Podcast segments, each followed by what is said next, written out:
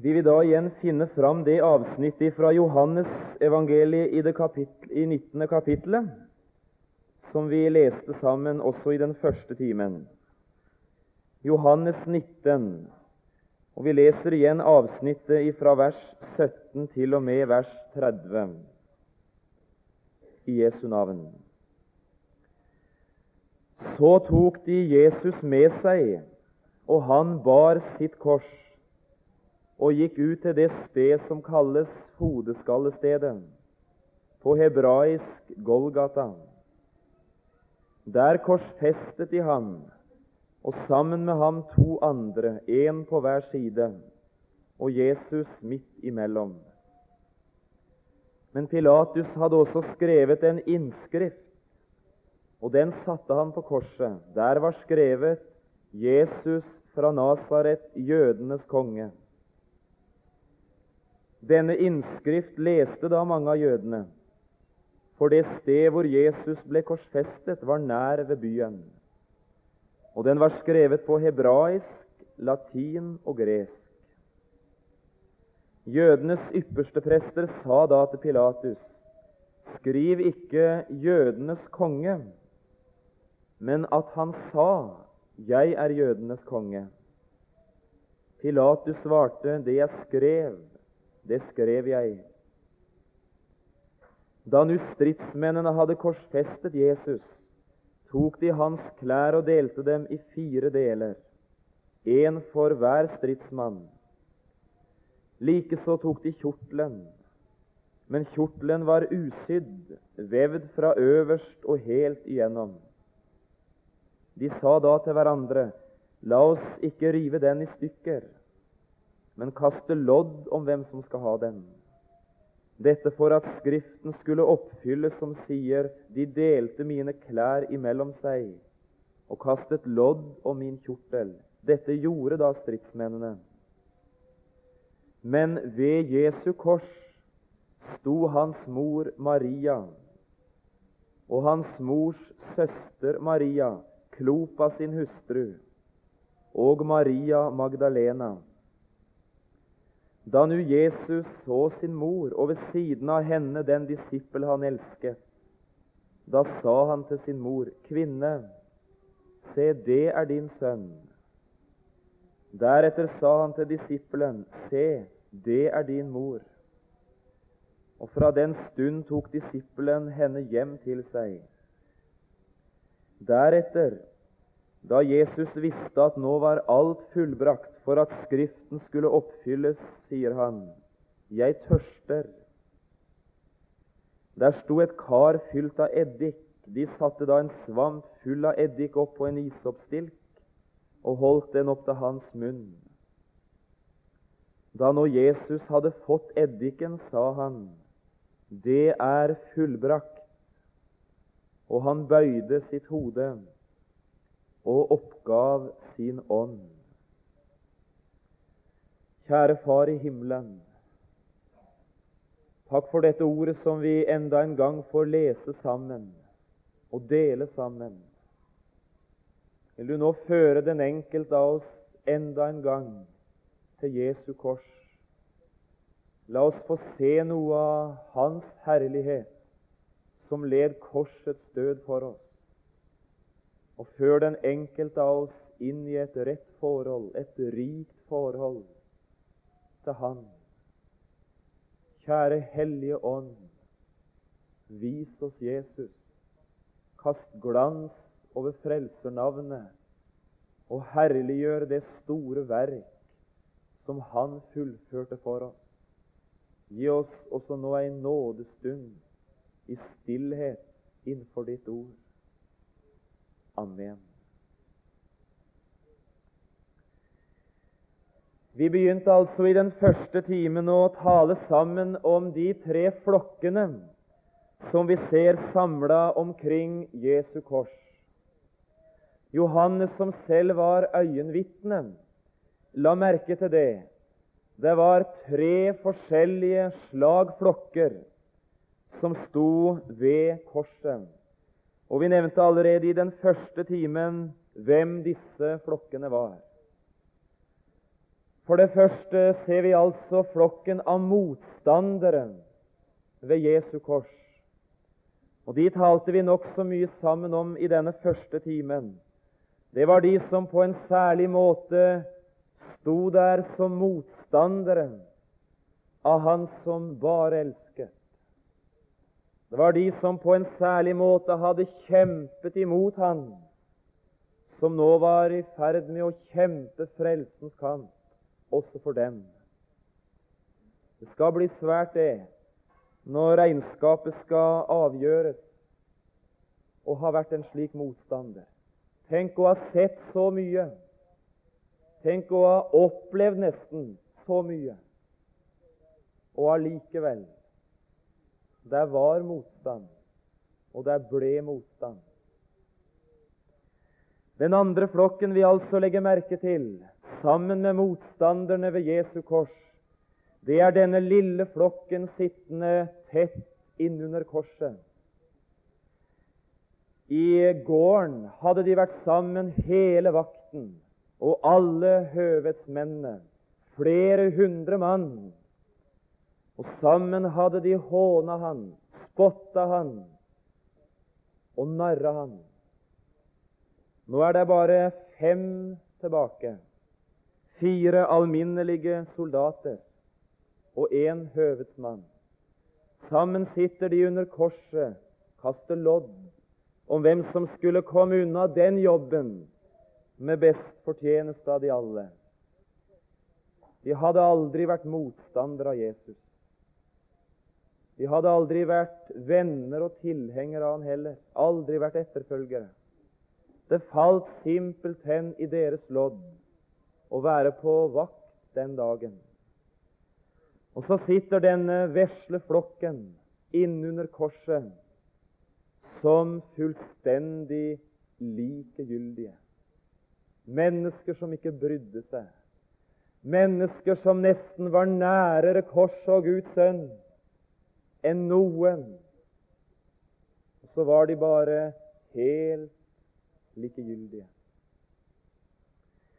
Vi talte i den første timen om at korsets motstandere synes å ha blitt en del mer frimodige nå i det siste i forholdet til hva de har vært.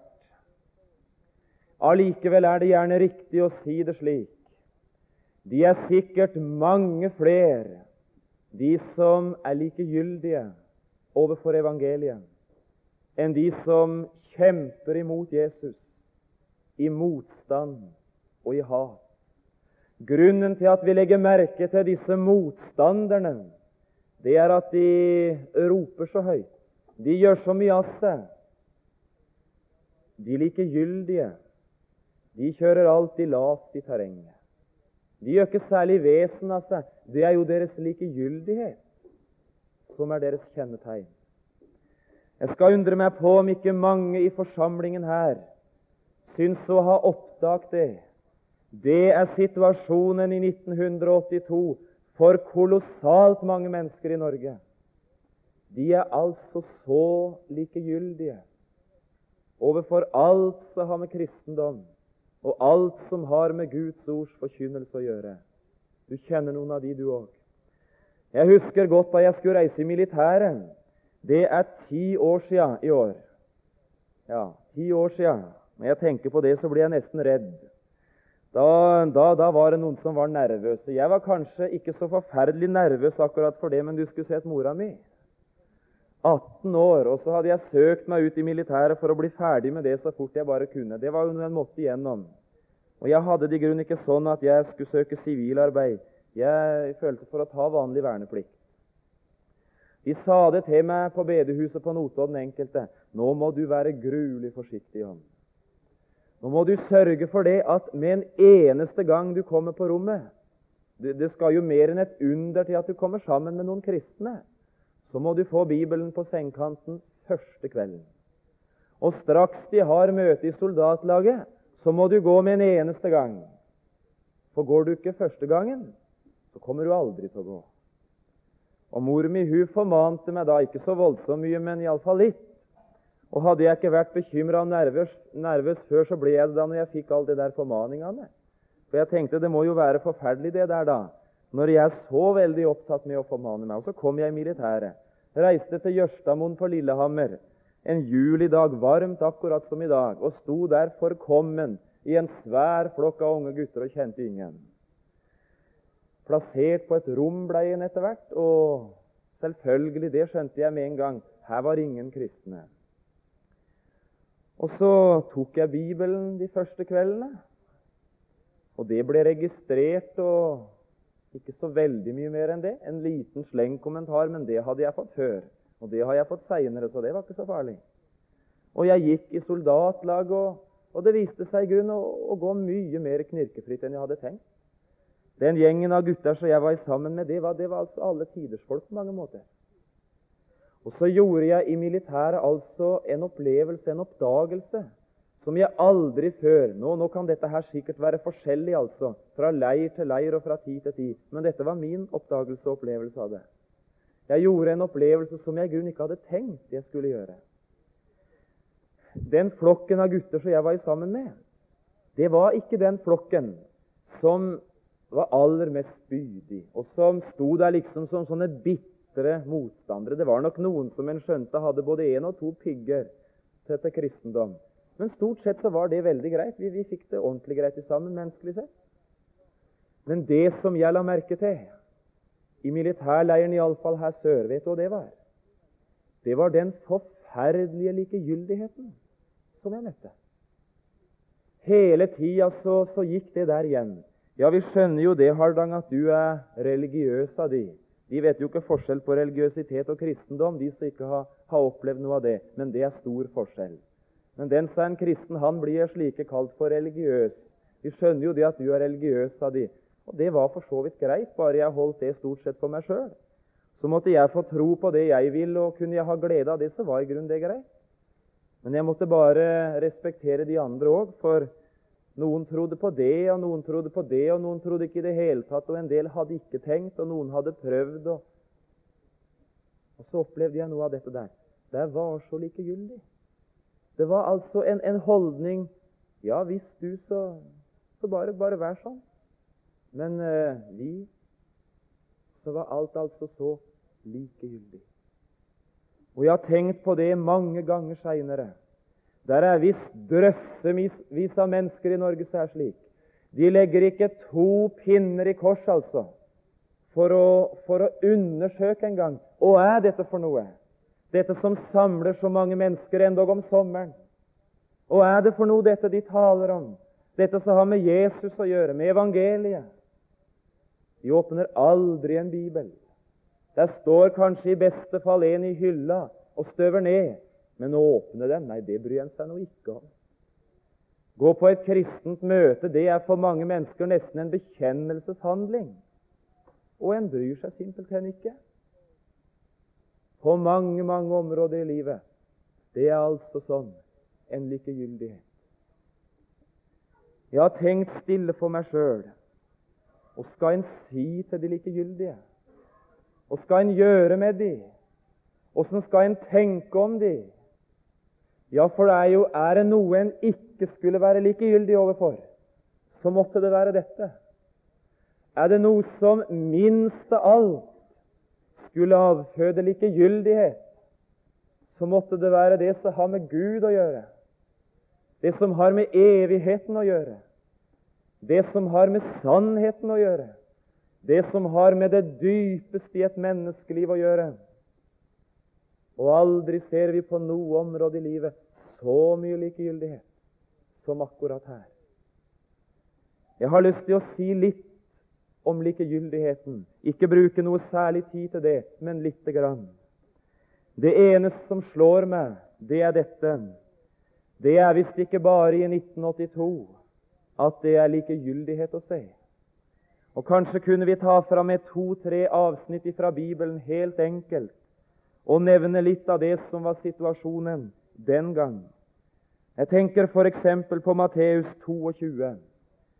Det er beretningen om kongesønnens bryllup. Der var en konge. Han ønska å gjøre bryllup for sin sønn.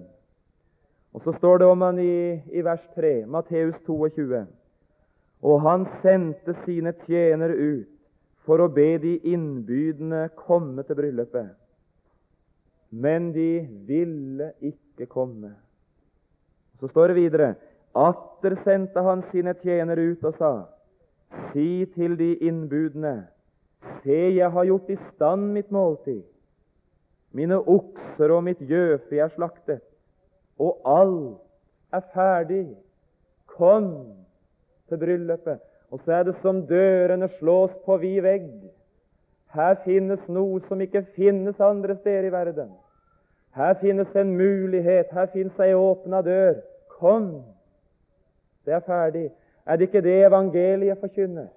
Er det ikke det vi ønsker å løfte fram også på bibelkurset? Dette som ropes ifra himmelen, og som vi ønsker å rope videre ut i verden. Kom! For alt er ferdig. Vet du hva der står om reaksjonen? Men de brydde seg ikke om det og gikk sin vei. De brydde seg ikke om det og gikk sin vei. Trekte kanskje stille på skuldrene og sa sa kanskje ingenting. De brydde seg ikke om det. Å, men det er typisk. Det er så mange som ikke bryr seg. Tenker også på Lukas 14. Det er veldig parallelt til dette der. Det er beretningen om et gjestebud som ble stelt i stand. Og Der finner vi en reaksjon så er veldig typisk. Det var en som gjorde en stor nadvær, står det i Lukas 14, vers 16. Han innbød mange. Å, men det, det er mange som er med i det himmelske innbydelseskartoteket. Hvem som helst kan bli frelst, som til Gud, sier venner. Jeg kjenner ikke alle som er på bibelkurset, men jeg vet i alle fall én ting om det. Og det er at også du er en av de som er innbudt til bryllup i himmelen, til gjestebud, til nadvær. Du kan være akkurat hvem du være vil. Du kan ha levd som du har gjort. Du kan ha vært særegen og spesiell på mange måter. Det er iallfall sant også om deg, hvem du enn er. Du er ønsket velkommen hos Gud. Og Så sendte han sin tjener ut, står det ved den tid nadveren skulle holdes, for å si til de innbudene Kom, for nå er det ferdig. Og så står det noe Men de begynte alle som en å unnskylde seg. Har du lagt merke til hvor mye dumme unnskyldninger folk har når det gjelder innbydelsen fra himmelen? Skal jeg ikke nevne noe av men du verden og mye som er i veien. Du verden og ofte det ikke passer, og du verden og mye rart folk skal. Når den stille innbydelsen når de Kom, kom, for nå er det ferdig. De begynte alle som en å unnskylde seg. Og jeg tenker endelig det er det siste eksempelet på en beretning i Første Mosebok i kapittel 19. Det er en beretning fra Lots liv om disse to menn som kom til Lot og tok inn hos ham, og om beskjeden som Lot får du må fly, Lot, og få med deg alle dine, for Herren kommer til å ødelegge denne byen. Vet du hva der står om Jobbs svigersønner? De trodde han bare spøkte. De trodde han bare spøkte. Jeg skal undre meg på mange i Kristiansand som tror det er en god spøk vi er ute med.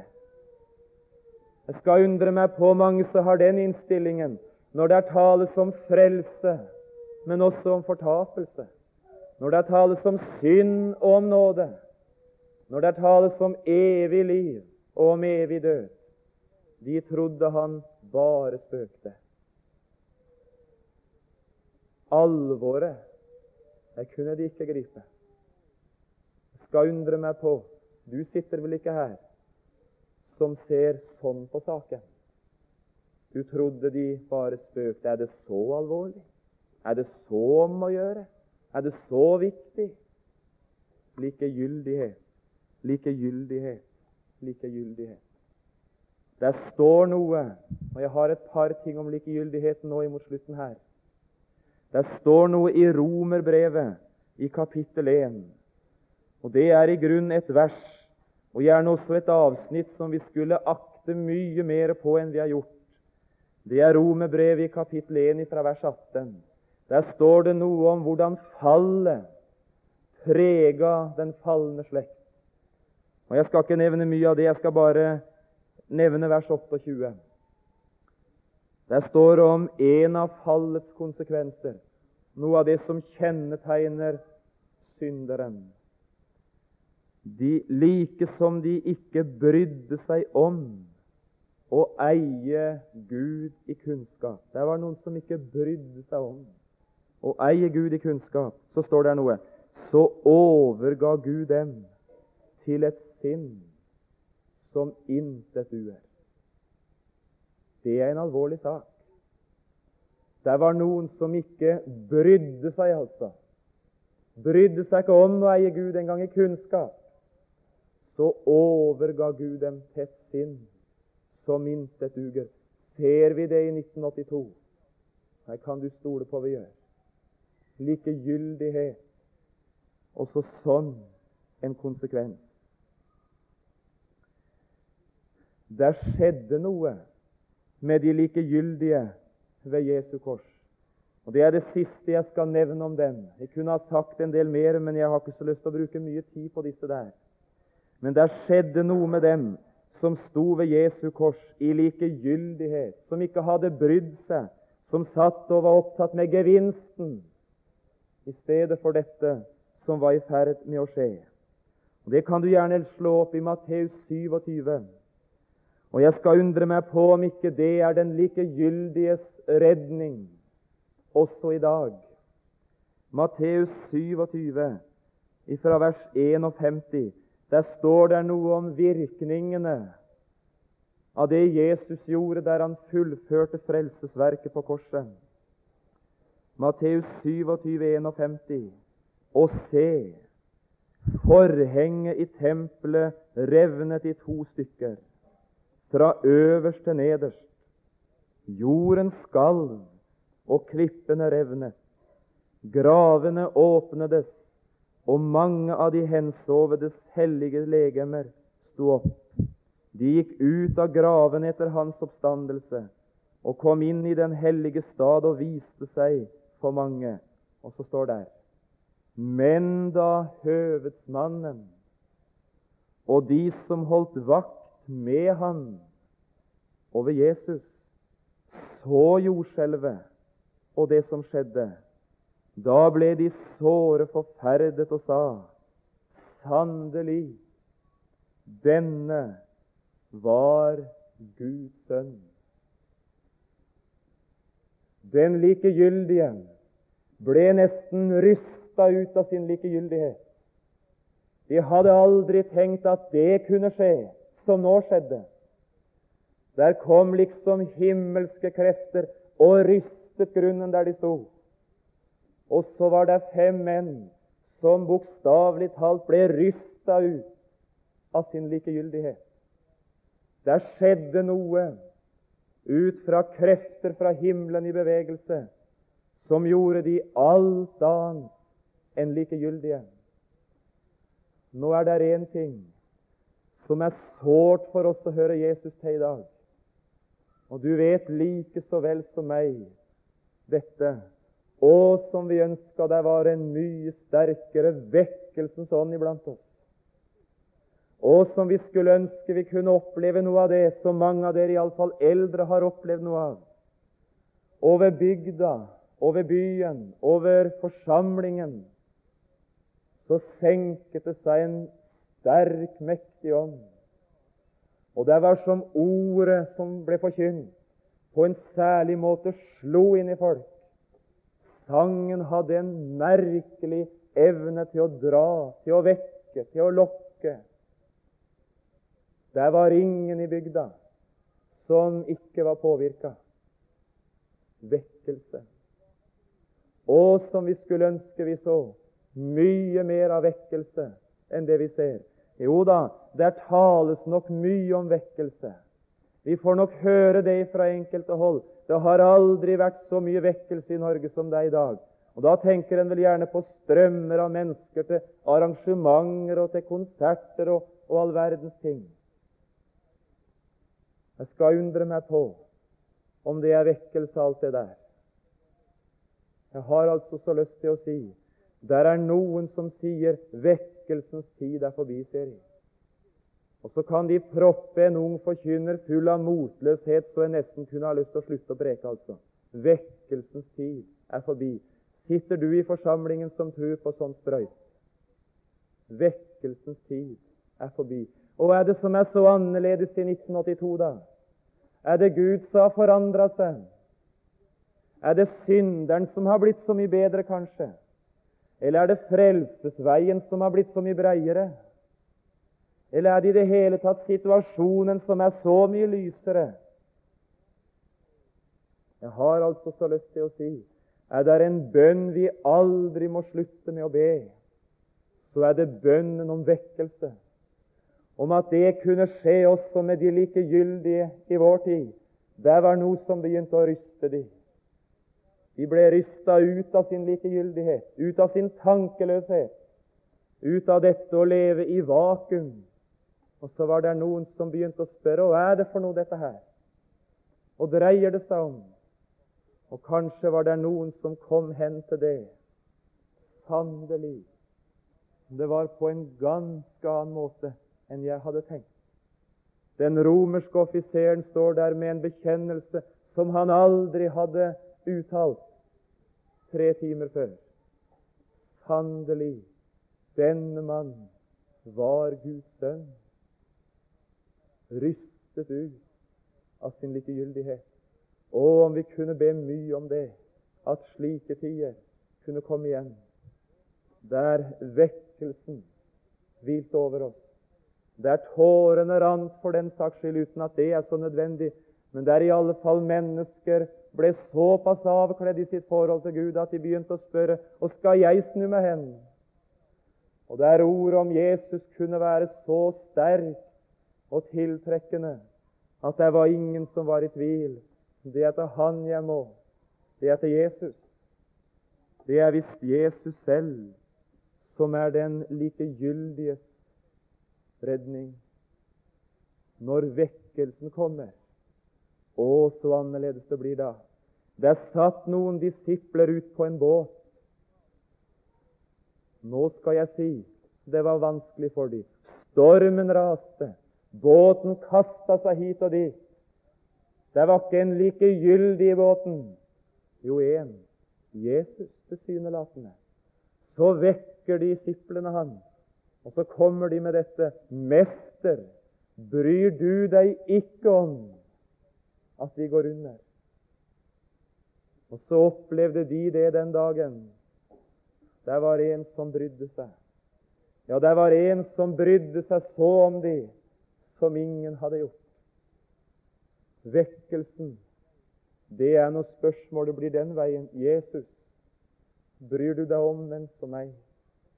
Fins det en mulighet for meg, så har du meg, og så må du gjøre noe nytt i mitt liv. Den likegyldiges redning, det er når spørsmålet fødes. Så skal jeg snu meg hen, og skal jeg nå gjøre?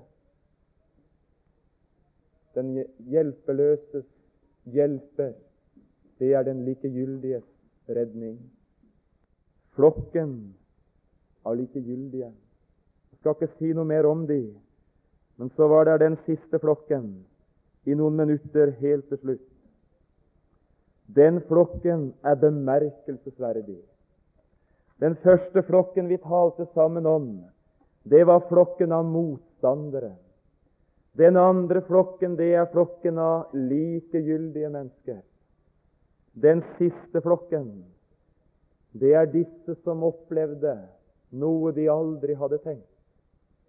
Det er disse som står tett ved korset og vet denne dagen gjør at livet blir aldri det samme som det var. Flokken av Jesu venner og hans etterfølgere.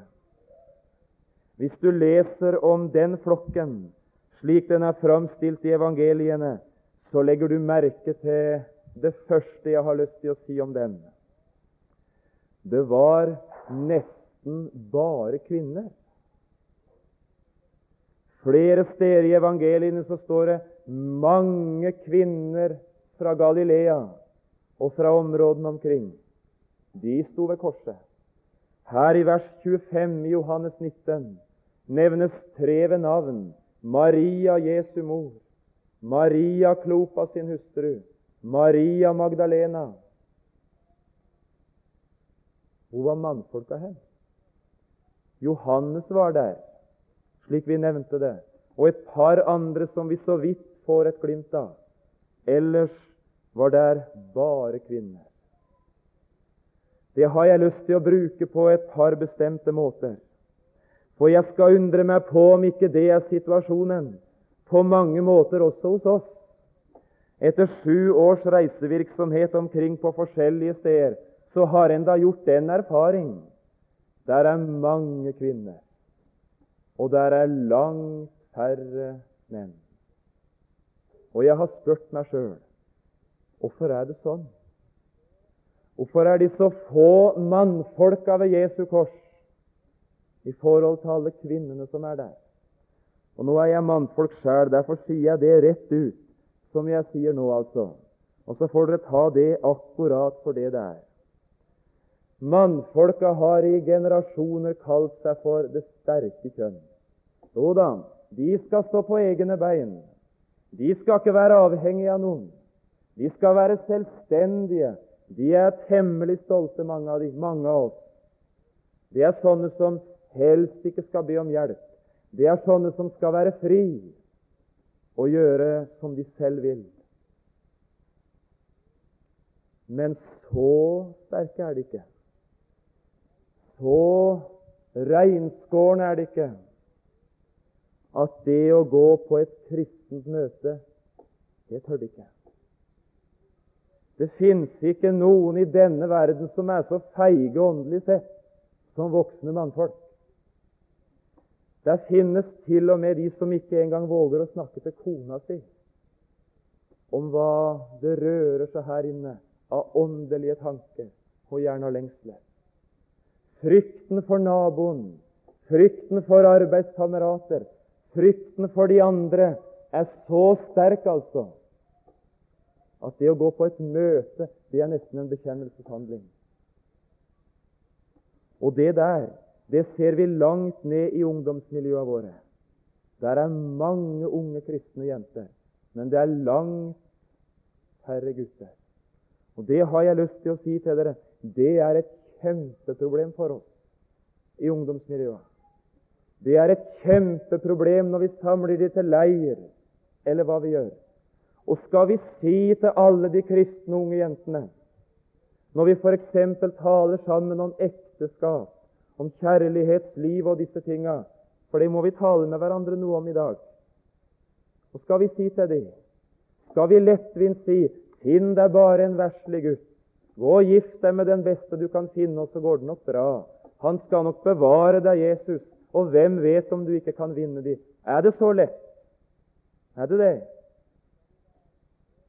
Eller skal vi være så voksne at vi våger å snakke så rett ut til unge mennesker og si det er livsfarlig å gifte seg med en ikke-kristen part?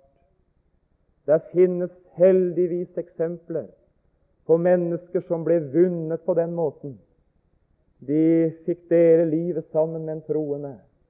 Og det livet som den troende førte, og vitnesbyrdet de levde i nærkontakt med, det smelta vantroen, motstand. Og så ga de seg over til Gud. Å, men det er altfor stort. Når ei ektefelle får se nå kommer den andre. Det tror jeg er noe av det største de kan oppleve, de som har det sånn. Men du og mange eksempler vi har på det motsatte.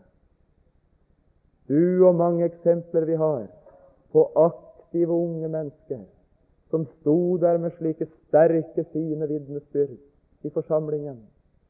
De hadde aldri tenkt at det skulle gå sånn med de som det gjorde. I dag er de dønn vekk. Der er ingen sang lenger. Der er intet vitnesbyrd. De er så sjeldne å se. Hva er det som har skjedd? Det var mye lettere å dra bort ifra Jesus enn å dra til ham. Og Jeg har lyst til å si det til deg, ungdom, som enda ikke har funnet noen å dele livet med. Jeg tror nesten jeg sier det så firkanta. Du skal be Gud om å gi deg ei kristen ektefelle. Og det skal du be konkret om og tale mye med Gud om. Og så vil jeg si en ting til.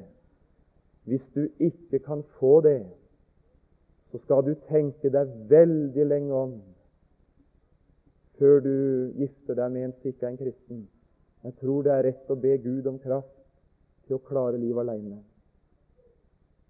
Det er kanskje vanskelig å si det, både når en selv er gift, og å si det så kategorisk. Men erfaringen, og ikke minst det enkelte har sagt til en opp igjennom Du må si til alle de kristne ungdommer som du bare møter, at det å leve sammen med en ikke-kristen part, det er mye vanskeligere enn en trodde da en begynte. Jeg vet at jeg rører ved noe nå som er veldig vanskelig, men dette er aktuelt. Jeg har så lyst til å si Tenk om vi kunne nøde Gud om slike tider der vekkelsesvinden begynte å blåse, så det var mange, til og med mange kristne gutter altså, som ble resultatet. Og som det skulle, skulle bli annerledes for mange som har vanskeligheter. Det er livsfarlig å gifte seg med en ikke-kristen part. skal du være veldig forsiktig med. Du lever et fullverdig liv om du lever alene. Vi har gjerne talt sammen en del i kristne sammenhenger på en sånn måte at det å være enslig, det er noe mindreverdig. Det er liksom Da har en ikke den fulle gleden av livet. Det skal vi være varsomme med.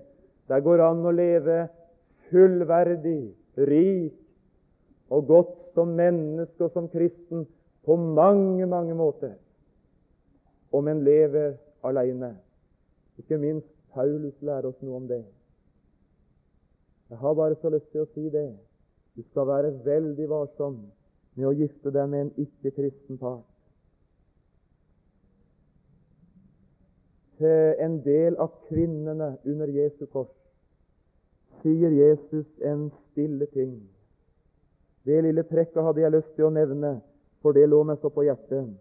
Hvis du ser i Lukas 23, fra vers 27, så tegnes det et lite trekk for oss som jeg har tenkt mye på i forbindelse med disse, disse timene. I Lukas 23 fra vers 27 der står det sånn En stor mengde av folket fulgte han, og mange kvinner som jamret seg og gråt over han. Og så står det Men Jesus vendte seg om til dem og sa dere Jerusalems døtre, gråt ikke over meg, men gråt over dere selv og deres barn. Gråt ikke over meg, men gråt over dere selv og deres barn. Hvorfor gråt de der de sto ved lidelsesveien og så Jesus slite seg i døden? De gråt fordi de syntes de var urettferdig. De gråt fordi de syntes synd på ham. De gråt fordi det så grusomt ut.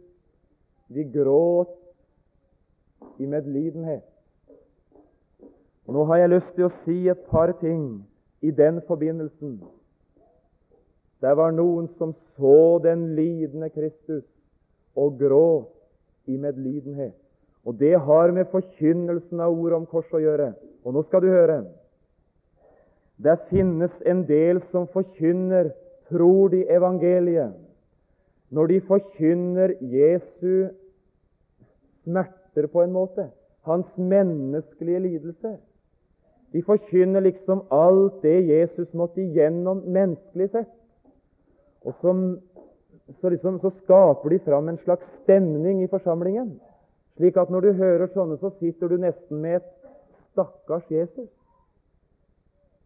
Det fins altså de som kan tale om korsveien, om Frelseren, om Golgata, så tåredryppende at en kan nesten sitte og hulke en halv forsamling.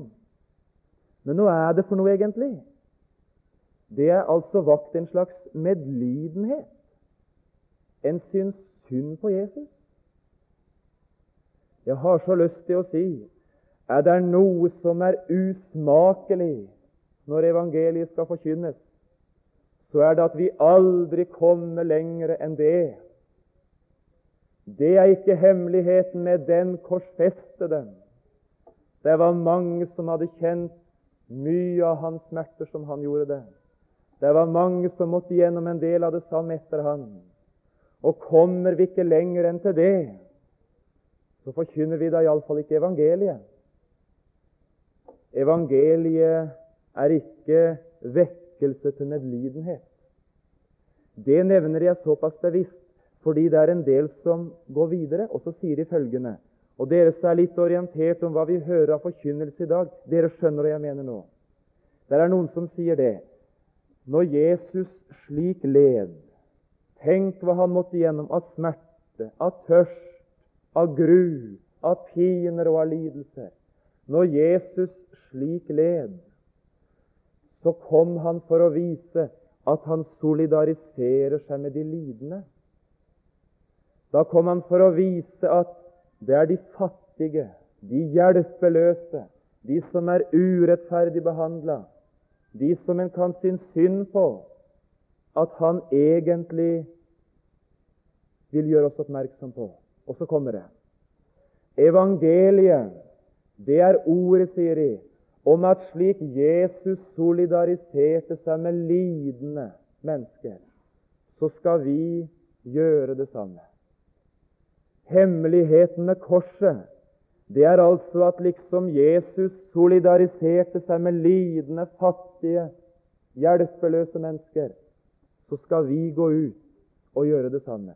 Så har vi et Kirkenes verdensråd som har gjort evangeliet til politisk frigjøring til sosial rettferdighet og til tam forkynnelse av nestekjærlighet. Og så er det ikke mer å si. En hører ikke mer fra mange av disse kantene enn det. Og jeg har så lyst til å spørre er det evangeliet, først og fremst? Er det slik du har lært evangeliet å, å kjenne? Nei, du har lært evangeliet å kjenne på en ganske annen måte. Vel har du ofte tenkt på Han som led så grusomt som han gjorde. Vel har du ofte erfart at slik han gikk inn iblant de lidende og hjelpeløse, slik skulle også vår vei være veien til den. Men du har erfart noe mer.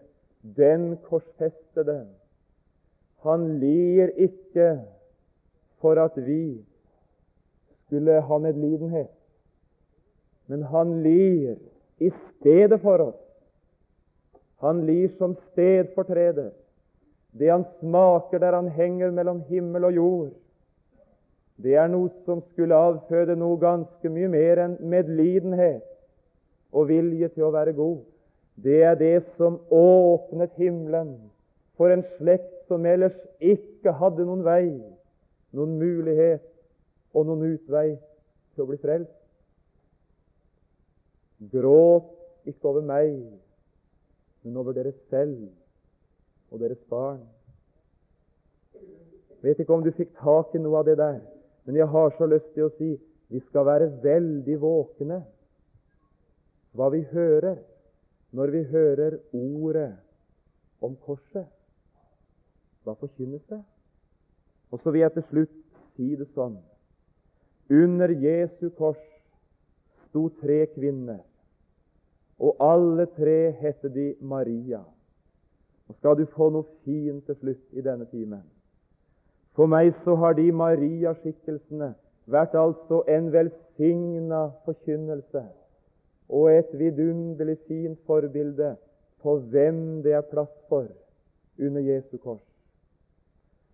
Det står tre kvinner tett under korset.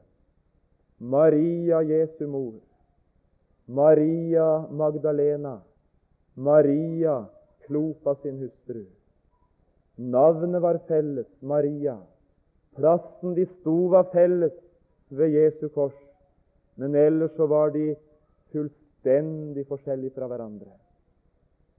Og Jeg har så lyst til å bruke det nå før jeg sier amen, til til å peke på hvem er det plass for under Jesu kors. Under korset står Maria, Jesu mor.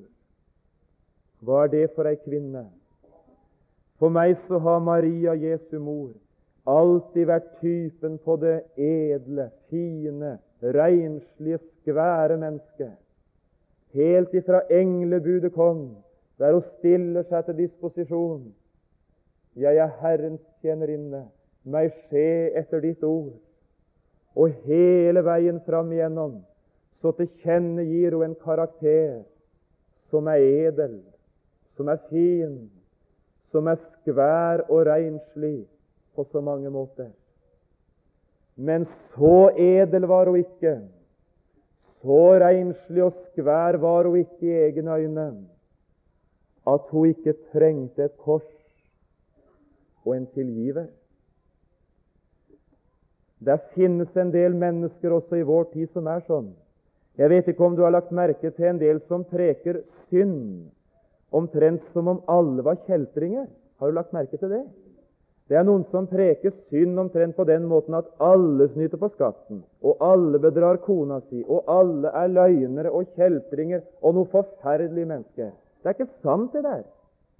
Det finnes nok en del som, som har både et og annet på tapetet, men det finnes mange mennesker, om de ikke lever med Gud, som menneskelig sett altså er skvære, ordentlige, renslige, fine mennesker. Og når vi slik taler om synd som om alle er kjeltringer, så skjønner de ikke hva vi mener engang. Du har gjerne en nabo eller en arbeidskamerat eller noen som du tenker på når jeg sier det. Det er altså alle tiders folk. De er alle tiders ektefeller. Gode foreldre, pliktoppfyllende arbeidsfolk, alle tiders naboer, livet de lever, det er liksom så fint på mange måter. Det er mange av de heldigvis enda i 1982. Men det som er, er det fortvila med mange av disse der, det er dette.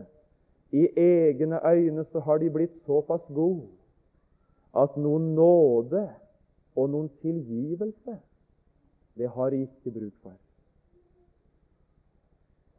Når en er på ungdomsskoler og skal forsøke å tale om dette, at selv den fineste trenger frelse og nåde og tilgivelse, akkurat som den verste og den dypest fallende, så er det noen som spør ja, men det må nå være forskjell på Gud, sier de. Det må nå være forskjell på Han som er helt topp, og på de som har ødelagt alt både for seg sjøl og andre. Det kan da ikke være likt. En må nå se stor forskjell. Og det er en del som ikke forstår det. Da har jeg brukt et lite bilde, og det hadde jeg lyst til å ta med nå før jeg går ned. Det er et bilde som jeg tror har iallfall hjulpet en og annen til å fatte sammenhengen. Verdens høyeste punkt, det er fjelltoppen Mount Everest ned i Himalaya. 8800 og en del meter over havet. Verdens laveste punkt, det er bredden av Dødehavet. Flere hundre meter under nullpunktet ved havets overflate. Iallfall over tre, tror jeg. Hvis du hadde kunnet stått på toppen av Himalaya og sett ned på bunnen av Rødehavet, eller ved breddene, så hadde du sett Å, for en kjempeforskjell! Hadde du stått ved Dødehavet og kunne ha sett rett opp på fjelltoppen, så hadde du tenkt Å, for en kjempeforskjell! Det er den ene sida. Når vi snakker om avstanden fra sola til jorda, da snakker vi ikke om avstanden fra sola til Mount Everest og fra sola til Dødehavet. Gjør vi det? Langt ifra. Det som er så kjempestor forskjell på i denne verden, blir i den store sammenhengen lik null. Og det er saken. Å sammenligne seg med andre, jo, da kan en komme greit ut av det. Men å få se den store sammenhengen, å, men det er noe ganske annet. Å, som man trenger å bli frelst, selv den edle og skvære og renslige. Ved sida av Maria, Jesu mor, står Maria Magdalena. Og hva er det for ei? Det var henne, sier oppstandelseskapittelet i Markus, Markus 16. Det var henne Jesus hadde utdrevet syv onde ånder av. Det var ingen nesten som hadde smakt så mye av ondskap, av synd og av djevelskap som Maria Magdalena. Det var ingen som til de grader nesten i sitt liv var så prega av et hardt liv som hun var det. Da de så den kvinna, så sa de håpløs, håpløs. Så møtte hun Jesus en dag, og så talte han sitt bydende ord, sitt kjærlige ord, og så gjorde han den dypt falne kvinnes liv fullstendig nytt. Nå står hun ved Jesu kors som et vitnesbyrd om der er plass ved Jesu kors endog for den dypt falne. Og som vi skal få bruk for det i åra som kommer, når vi ser alkohol, narkotika, hvordan skilsmisse hjem og mange mellommenneskelige forhold er i ferd med å ødelegge så mange menneskeliv og som vi skal få bruk for å forkynne at korset, det er redningsmuligheten selv for den som alt har gått i stykker for. Selv for den som ingen kan rå med. Der er en som kan, den Herre Jesus. Maria Jesu mor, den edle. Maria Magdalena, den falne. Sammen med dem til sist Maria Klopa sin hustru. Hva vet vi om henne? Ingenting. Ingenting. Klopa sin hustru, det er det eneste vi vet. Vi vet ikke om hun var bedre enn andre. Ikke vet vi om hun var verre. Kanskje sannsynligvis var hun et alminnelig hverdagsmenneske. Her står hun ved Jesu kors som et vitnesbyrd om å bli en kristen det er redningen, ikke bare for den edle, ikke bare for den falne, men for oss alminnelige mennesker. Og det var godt at ordet om Jesus klang i våre hjerter en dag. At vi, alminnelige, enkle hverdagsmennesker som vi var, fikk høre om Jesus og ble trukket inn i hans nærhet. Det å bli en kristen det er veien til livet for alminnelige folk. Jeg er glad jeg er av de som forstår der i den flokken ved Jesu kors. Og du skal få et sangvers til slutt som tolker det han som står her, har sett og kjent og opplevd under korset. Ved korsets fot hos Jesus, der fant mitt hjerte fred og aldri mer vil jeg gå fra dette sikre sted. Hva verden enn kan byde meg, jeg akter det for tann, men roser meg av Kristi kors, der fred med Gud jeg fant. Og som jeg har lyst til å stå ved Jesu kors. Skal du gå hen under korset også, du, der er plass for den edle, for den alminnelige og for den fallende. Korset, det er frelsesmuligheten for oss alle. Kjære Jesus, takk for ditt kors. Takk for frelsesmuligheten ved dette kors. Og nå ber vi deg stille, slik vi har talt om det, for alle de som er likegyldige, Jesus. De som ikke bryr seg, og om du sendte en sterk vekkelsens ånd over samværa våre, at det var en likegyldig som kunne bli frelst, så takker vi deg, Jesus, alle vi som forstår ved ditt kors, som frelste, frigjorte mennesker. Takk at det var plass for oss, at det var mulighet for oss. Takk at det var redning for en fortapt. Amen.